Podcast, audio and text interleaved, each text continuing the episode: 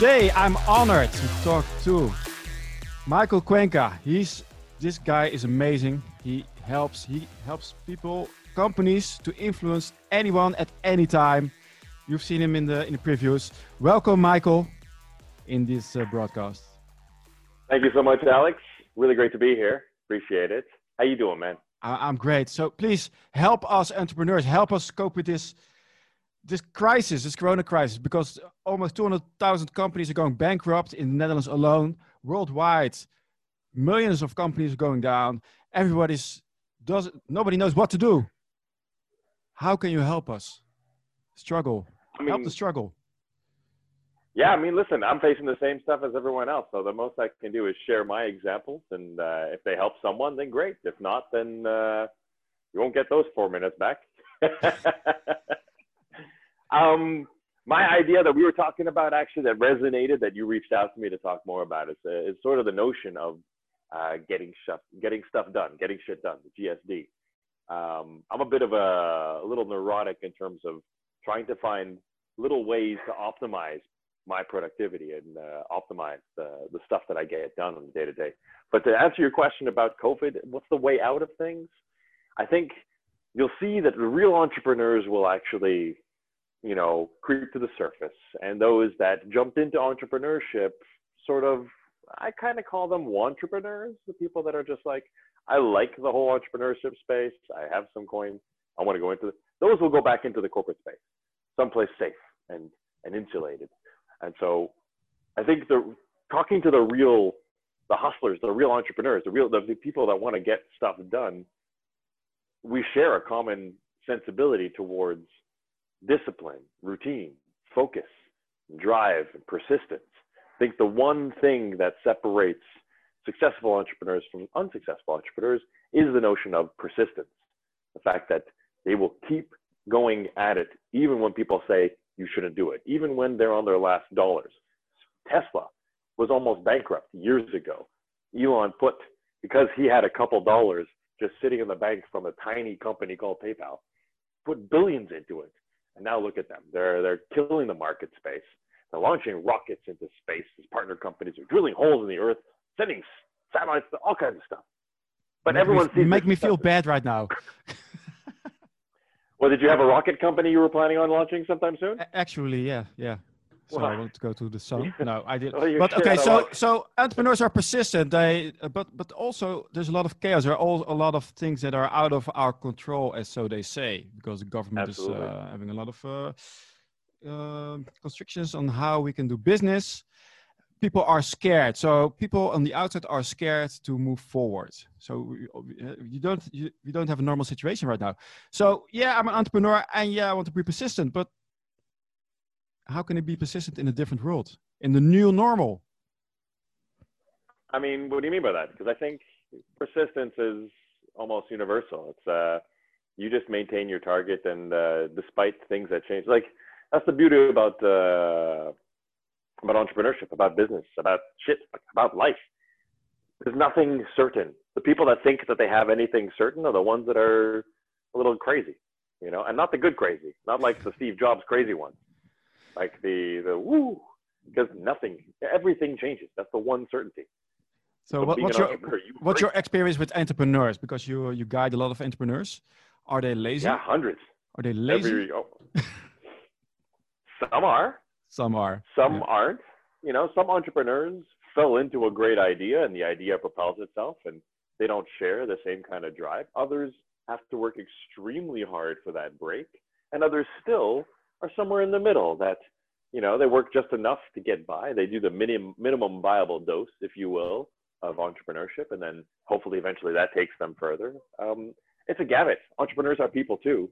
You see different levels of, of activity. So i think in, in, in the broad sense regardless they are still ones that will uh, be willing or capable to take a calculated risk in starting a new venture. And it's these new iterations in our economic system that will help us stay stronger as a whole over time.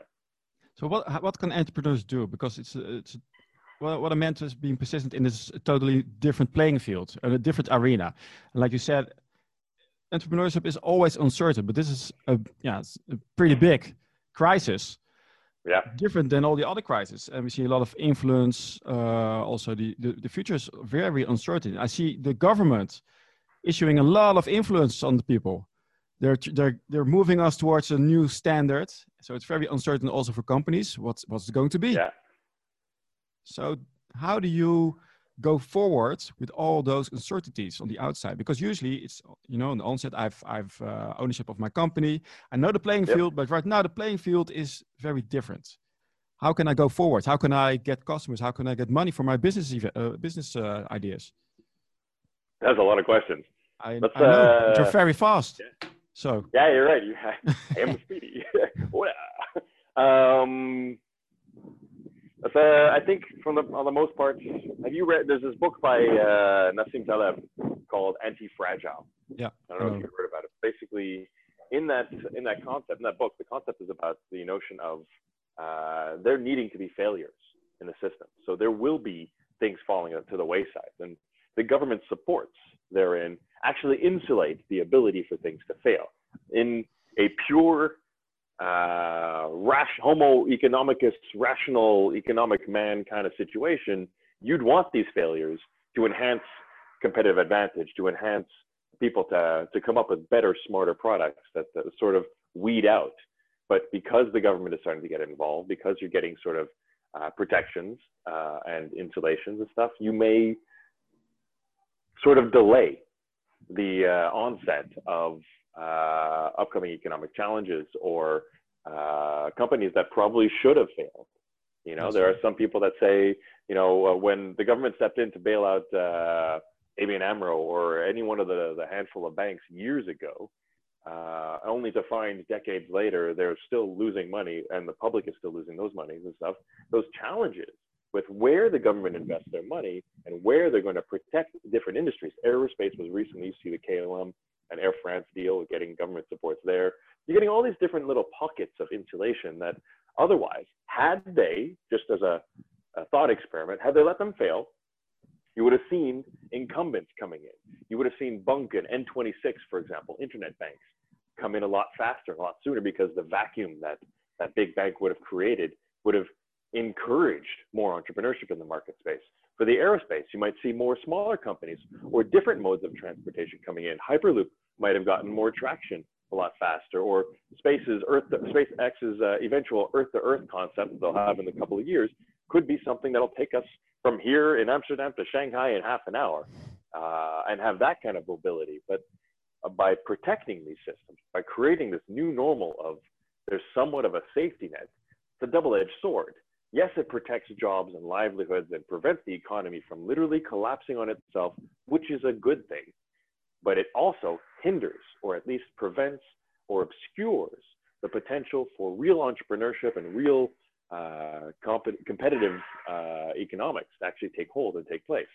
So, to answer your question, I guess there is no real one size fits all solution for this kind of stuff. But when faced with the challenges that COVID is placing on uh, markets and industries uh, all over the world, one has to ask themselves, what is the major, what is the real thing we're trying to do here?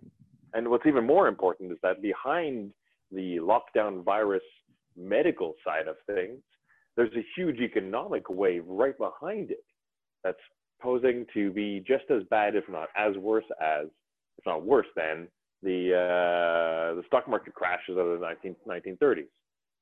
So, like, what do you deal with first? Do you deal with the impact that a virus has caused on the people and the health and well-being and welfare of the people, and then deal with the macro and microeconomic consequences? Do you do them both at the same time? What what are the timings like? The money flows and economic systems take years to actually respond. So, how do you time that effectively? What industries do you save? This is the reason why I am not in politics. You did study politics, you know? so. Uh...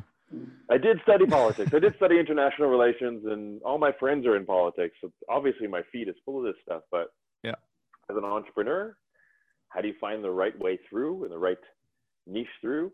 Borrowing from Taleb's uh, uh, assumptions within the, the book Anti-Fragile, you don't you don't need to understand where it came from or where it's going, but rather how to seize the opportunity at the moment.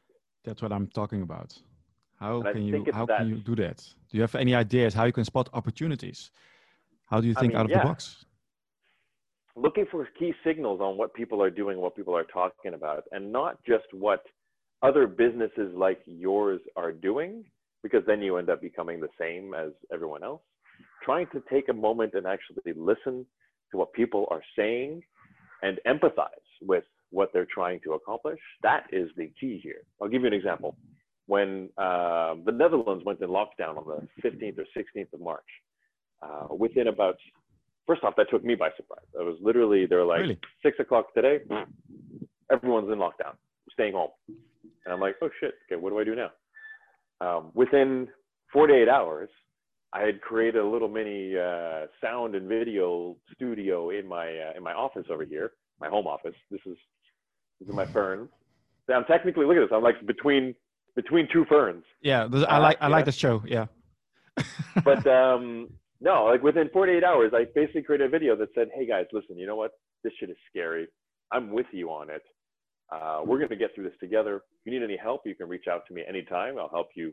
There's never been a better time to improve how you close deals, grow your business, uh, and, and expand your business opportunities using proven sales strategies and negotiation techniques that I love uh, training people on. Uh, but most importantly, I'm here for you.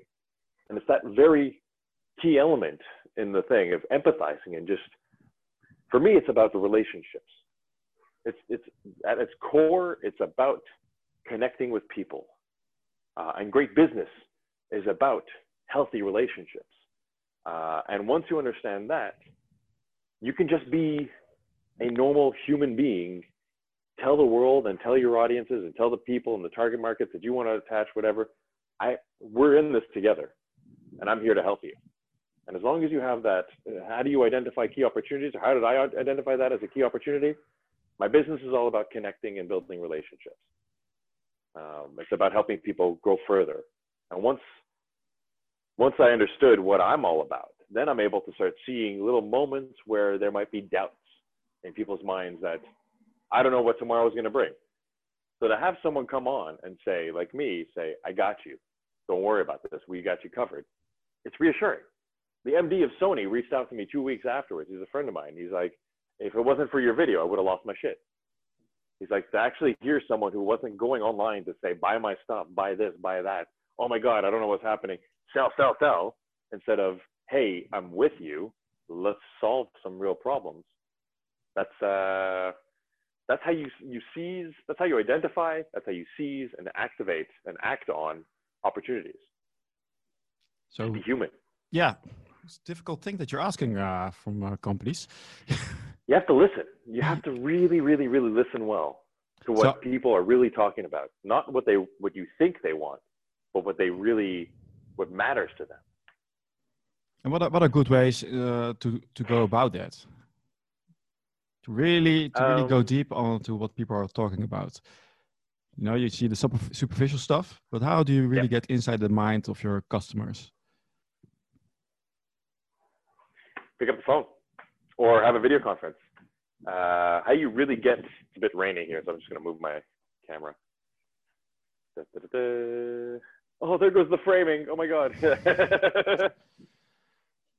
um, how do you get into the minds? You pick up the phone. You have a conversation. You honestly that there's no there's a reason why part of the whole research field involves customer interviews because you in order to understand what people really want, you have to actually ask them. There's no other way around it. So, in order to really figure out, hey, my client needs more attention in this space or people are looking for more attention in that space you really have to take a moment and say to yourself let's just take 15 minutes to learn more about what matters to people. Maybe this ties in a little bit with your uh, you know getting shit done. Just do it. Yeah.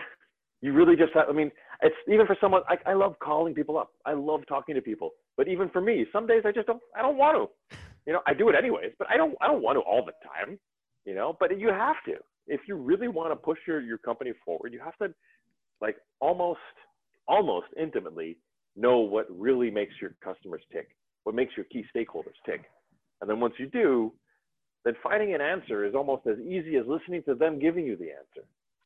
It's uh, stupid and at, at how simple it is, but it's the one that's worked for me. It's just I call up all the people I care about, all the people that I want to care about, and all the people that uh, I'm currently caring for, and I ask them what their core challenges are, and I just listen. And then from there, um, it's really about thinking of ways to help them do things better, to get more shit done. Reaching out to people instead of acting scared yeah. and being uh, afraid and uh, just uh, freezing. Just reaching out to other people. So that's part of the reason why I had that podcast too. You know, it's also a matter of just having a conversation with the internet and seeing what comes back. Yeah, dus uh, the podcast for all the people who want to listen to it, to it is Son of a Pitch with a P. Son of a Pitch with a P. I listened to it. I heard your radio voice. I said, this guy has to have been doing radio somewhere else. And you do, I believe. Yeah, I uh, college. Yeah, yeah, yeah. I, thought, I heard that uh, cool radio voice, the dark. Uh, the, oh, the stop it. Yeah. Got me all excited. so, but yeah, you could tell. So, but it's also podcast. It's also about reaching out. So you're giving giving value. It's all about about storytelling. You know the why. Also, can you hear me? Yeah. Okay. Cool. Yeah. But uh, also in, the, in, this day and age, you said uh, going to weed out all the companies that don't have any uh, that should have gone bankrupt anyway. So it's all about, I think, it's all about the why right now. Why are you in business? Me. Well, not you. Of course, I know why you are in business, but people, why are you the big why? Why are you in business? What are you actually doing and connecting to people? I think so. I think, well, I think it's broader than just the why, though, to be honest with you. I think uh, the why can only take you so far. Once, once you really grasp what, uh, I think the real answer to that question is about more of a service oriented mentality. I think once you understand, let me give you an anecdote. So I was, when I was, when I was younger, I was like 17 or whatever, I worked at a cafe called Java U. It's the first coffee that opened up in a in a university. So they're all about like university stuff and you and the, whatever. It was a weird ass name. Anyways, so I worked at Java U, and my job was basically I, I managed a couple of stores there. And uh, one of the stores in uh, Monkland, um, my job was to keep a billion different things in, in going uh, in my head at once. But all the while, it was about making sure you understood what the customer needed. So, for example, if if someone came in before that had an allergy, I knew not to give them like uh, the peanut butter brittle or something like that. You know what I mean? Or if someone came in and they had uh, certain proclivities, you have to remember and build that relationship. And it got to a point where like when I worked the morning shifts, I'm not a big morning fan, but when I got the morning shifts, uh, I would know who came in and what what coffee they uh, they wanted, such that before they even had a chance to order it, I'd have it ready for them. Almost that predictive kind of sense. And you need to be that attentive. You need to think like a personal butler, if you will, always providing your clients with the best possible service and needs that they don't even think they know. But just by listening and paying attention to their behaviors, you can use to predict and know how to serve them best. Just like Google right now, they're predicting. Uh, I heard they're working on a big machine to help predict the future and to look at what people type into the search engine. Yeah. So uh, they're doing cool. it. Uh, yeah, that's the big AI that's coming. Yeah. Oh, there's a lot of crazy stuff in AI, deep fakes and and all kinds of like GPT three that uh, OpenAI has launched uh, just launched is is is easily a game changer in terms of the AI technology, but that's a different chat. Oh, I like it. I like it. Yeah. So, are there any big uh, other big challenges that are coming our way? Because uh, also, uh, you know, we have the 5G. The connectivity is uh, going to be completely different. Are there any? Yeah. Do, do do companies have to anticipate on this 5G, and how can they? I'll be honest with you. I'm not sure I know enough about what people are talking about in the 5G space. Ultimately, the faster the internet speeds, the better for everyone. I think the less latency, at least for gamers. I know that much. I was seeing, uh, you know what you know what happened in Wuhan when the virus uh, broke they built a hospital in uh, I think uh, one day, and they also had uh, AI on the freeways for the, the, the cars so they could drive uh, uh, by themselves. And also uh, doctors could uh, operate through cameras. Wow. Yeah, that's uh, I thought, wow, that's a that's a great innovation. So with better connectivity, lower yeah. latency, you get that kind of capability. In fact, I would imagine with five with, with complete global high-speed internet that Starlink is uh, putting together, for instance, uh, regardless of 5G, just higher speed access to internet and technology, I would imagine there would be a corroborating increase in uh, in human potential. The more connected we are, the better off we all are, I believe. Yeah, and Elon Musk said uh, with Neuralink, it will take about three years, and then we don't even have to talk anymore because we can read each other's minds, and that's a true story. He said that. you know, only three I mean, years. We're already connected from the simulation, anyway. So yeah, that's true. That's true. There's a simulation in the simulation. Exactly. you don't have to scare the people. No, it's all real. Everything around you is real. Yeah. Yeah. I mean, if anyone's seen The Matrix and not lost their shit about how real that could be, then uh, I want the name of your dealer. well, I, am surprised because also mainstream is saying this is uh, we find a computer code in nature, and this universe is like a hologram, and it's all uh, projection. So yeah, if you Could want be. to get deep into it, maybe we're already in a computer game. Look, man, I have no way of knowing that this is actually happening. That basically this is all happening in front of me and I have no way of knowing that you're actually receiving the same sort of thing as I am. And if that's this is there's a whole in philosophy it's called the zombie mind philosophy where you know when I stub my toe on the on the chair I feel pain, but when you stub your toe you might feel uh, the sound of a trumpet. Who knows? And like, and call it pain, yeah. right. That's true. So and and you might just go ow because the sound of a trumpet makes you go ow you know, or whatever it is. So I have no way of knowing per se what uh, what exactly you're experiencing. So because of that disconnect, which eventually OpenAI stuff and Elon's uh, stuff, Neuralink, will overcome. Um, I think the closer you get to what we're thinking about, the easier it'll be for people to communicate. In fact, you won't even have to, like he says. I think that's there's there's uh, plenty of pros and cons of that kind of situation. A lot of cons. Please think about it, people, there's, before you get an implant. Yeah. Seriously, like yeah. I would definitely not get very many job interviews if that was the case. Like, hi, it's a pleasure to meet you. Oh my God, his breath stinks. You know, oh I saw, shit, uh, I saw a post of uh, Facebook is also uh, working with AI and saying because then you can uh, just think the post, but don't worry, we're only reading the part that you want to us to read. Like, okay, right. I trust you, Facebook. yeah, Facebook is one of the most trusted organizations in the world. Yeah, they would never harm us, so that's oh, uh, God. not not afraid I'm of it. So not a fan. so, but you said, but, but you are a master persuader, so you know a couple of things of how to persuade other people, and for that to occur, you need to know how they are thinking already. So there is a basis that you know, uh, right? You need to know how people think. Yeah. And then from there, figure out what you need to say to really get them over the line or to start thinking um, about what you want them to think about. So I guess there are certain pre- relatively predictable ways that people think, and you can leverage that in order to um, just tilt the scales a little bit in your favor people always have freedom of choice.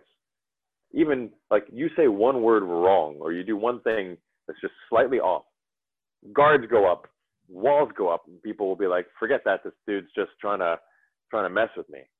But uh, if you do everything right, if you pay attention to the signals, if you watch what your uh, what your target is really talking about, what they really need, then you're in the best place you possibly can. Be. Yeah, but Okay, so you need to you, then uh, then I know. Okay, this is exactly what my target audience wants.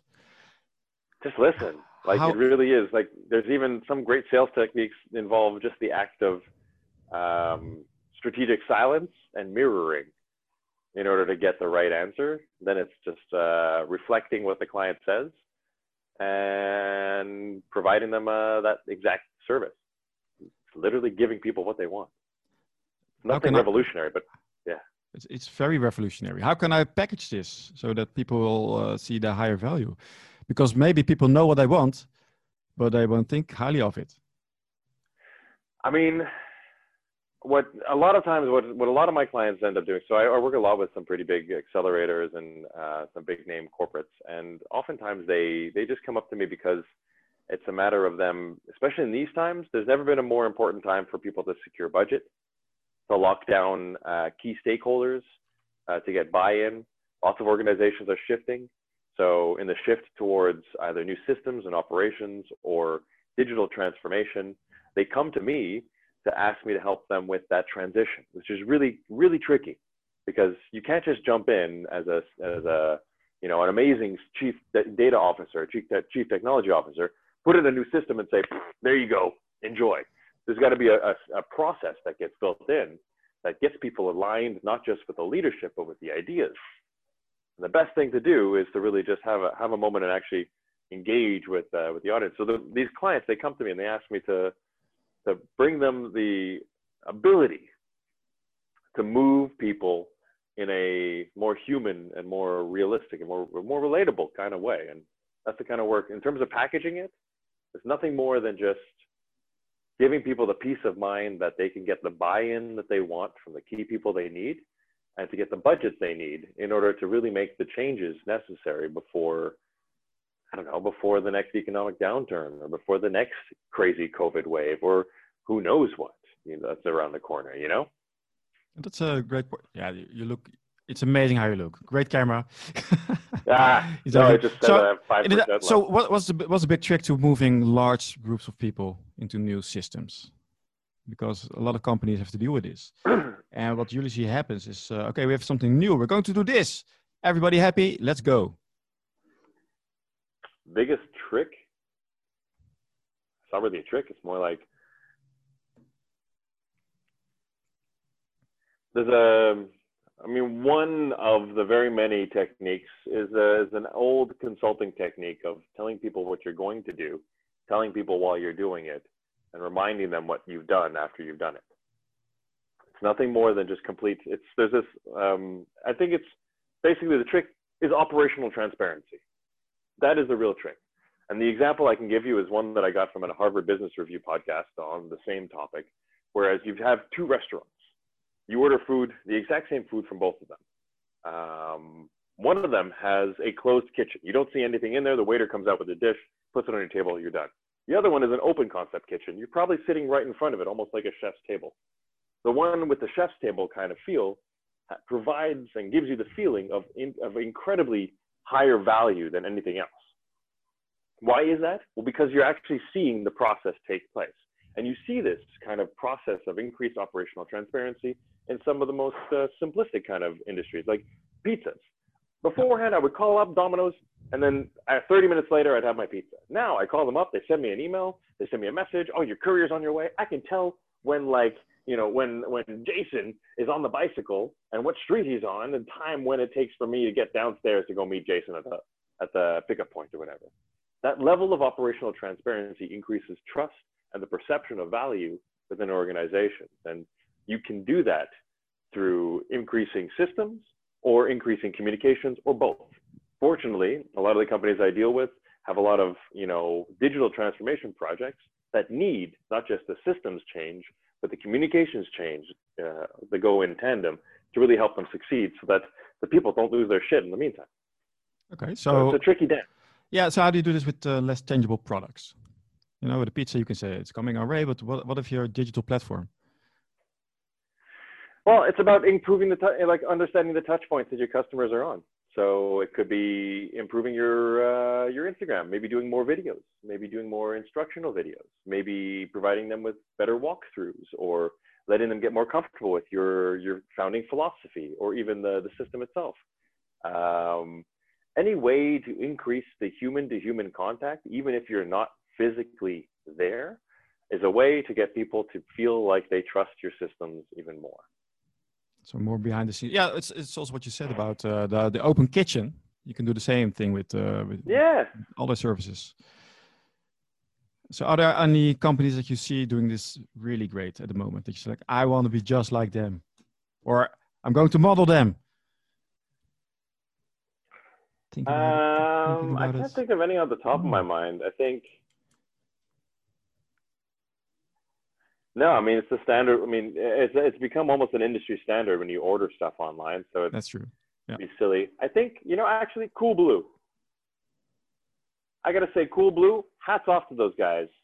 I don't know what they do, but for some reason they do it really well. Like it's I can order something in the morning, get something in the afternoon, and be able to follow that package and follow that whole thing the entire way through. It's it's brilliant, and they follow through afterwards. Like it's really all you got to do. is Just give them really good service and just pay attention. Treat people like people. it's coming back all the time. Just be human. Yeah. Yeah. We were, we, I, I, thought we were going towards an age with uh, more computers, everything is online, but now, right now, we're going back to the human connection.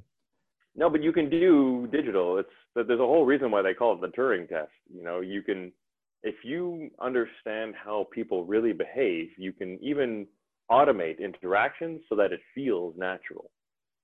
I mean, people will always be somewhat skeptical, but there are ways that you can do it so that you can automate humanness. But you have to do that. You can only do that if you listen uh, and empathize with what your core audiences are all about and what they need. Can't do it otherwise. With the chatbots. with the human right? connection. Even that. Oh my god. The oh, chatbots with the deep fakes. How's that going to be? You're just talking to somebody, and it's going to be an AI robot. I mean, yeah. Seriously, like technically, all I need is like four to six seconds of your voice, uh, and a couple of transcripts of the stuff that you've posted before, which are already online. And with deep fake, I can make it sound like uh, sound like you and look like you. If you look at the Joe Rogan podcast, uh, deep fakes basically parsed the like the whole catalog of Joe Rogan's conversations and he did a whole like an, a whole GPT-2 level uh, transliteration of like what he's talking about. Like it's it's it's messed up. Okay, yeah, I, I heard one about him talking about uh, the monkeys. Monkeys and the kettlebells. Yeah, yeah, something like that. But it was it was yeah, yeah. it wasn't his voice, but it, it, it, you yeah, it sounded like him. And it was also uh, Jordan Jordan Peterson. Uh, oh, I thought where where did, did those muscles come from? No, but uh, also Jordan Peterson. Uh, there was there was in uh, those websites and you could just type it in and he would say it. So it's really yeah, uh, yeah really innovative. So I'm I'm going to and you can also uh, make oh, yes. pictures but, right now of people who don't exist also. So. Yeah. Yeah, they, they all exist. There's already there's a website that just generates them for you. Yeah. Royalty free photos of people. So all, all of my right? testimonials. yeah, exactly. I mean, I don't know what you're talking about. Yeah. no, but those. Yeah, that's it. Those are my those are my thoughts on sort of getting shit done and what what COVID will. I mean, behind COVID, there's a there's a potential economic collapse, and behind that, there's the recovery process. So there's we're seeing waves upon waves of like more what the fuckery. So there's there's plenty of plenty of kind plenty of like really nasty shit that we have to deal with uh, coming down the road. So I think persistence and discipline and self care are going to be even more important than uh, anything else. I hear humanization is going to be even more important. Also, listen to yourself. Also, yeah. very important. Keep uh, keep getting shit done, and don't uh, yeah, dude. don't get into a freezing mode. Oh like my god, tell me about it. And hey, you know what? It's okay too, because like you, are allowed you're allowed days off. You're allowed messing up. You're allowed mistakes. It's just like, come on, we're human. You know, like people are people have become way too hard on themselves. Yeah, it's okay to be hard on yourself, but not too too hard. There's a Gary Vee hustling mindset, hustle 24/7, work hard, look awful. Yeah, but even look at Gary Vee. He's yeah. still he's switching more towards like be happy, be human, be healthy. Oh really? Okay. And he's right. That's the one thing that he's right on. Everything else is like he, he's like a little chihuahua. you know, he's like really oh my god, I'm hustling, I'm hustling, I'm hustling. And then suddenly at some point he realized he was telling the youth to hustle and, and to give things up and it's causing like people to lose their shit. So he switched into like, you know, being happy and healthy, which I think he should have been in the first place. Use that kind of reach to tell people to actually connect with themselves and connect with others. Yeah. Otherwise, what are you doing? I know. So it's going to be more human, uh, human place with all the AI. So that's uh, that's good news. Hey, Michael, thank you for this conversation. Just a reminder for people: get you done and be soft, be kind to yourself, and uh, help each other. That's the the human uh, spirit, actually. Yep. If you guys want to find me on the internet, it's linktree slash MDK. That's where all my links are. So oh. you'll be uh, oh. Alex will probably share that kind of stuff. I'll but show it's, it's brought it all together. So if you want uh, to hire you to uh, get a ton of money for investors, you can also go to you, right? And they can just say hi. They can just I'm say okay hi. just, just connect. Hi. Just make an appointment. Yeah. Connect with Michael. Yeah. Listen to the podcast. Listen to the YouTube videos.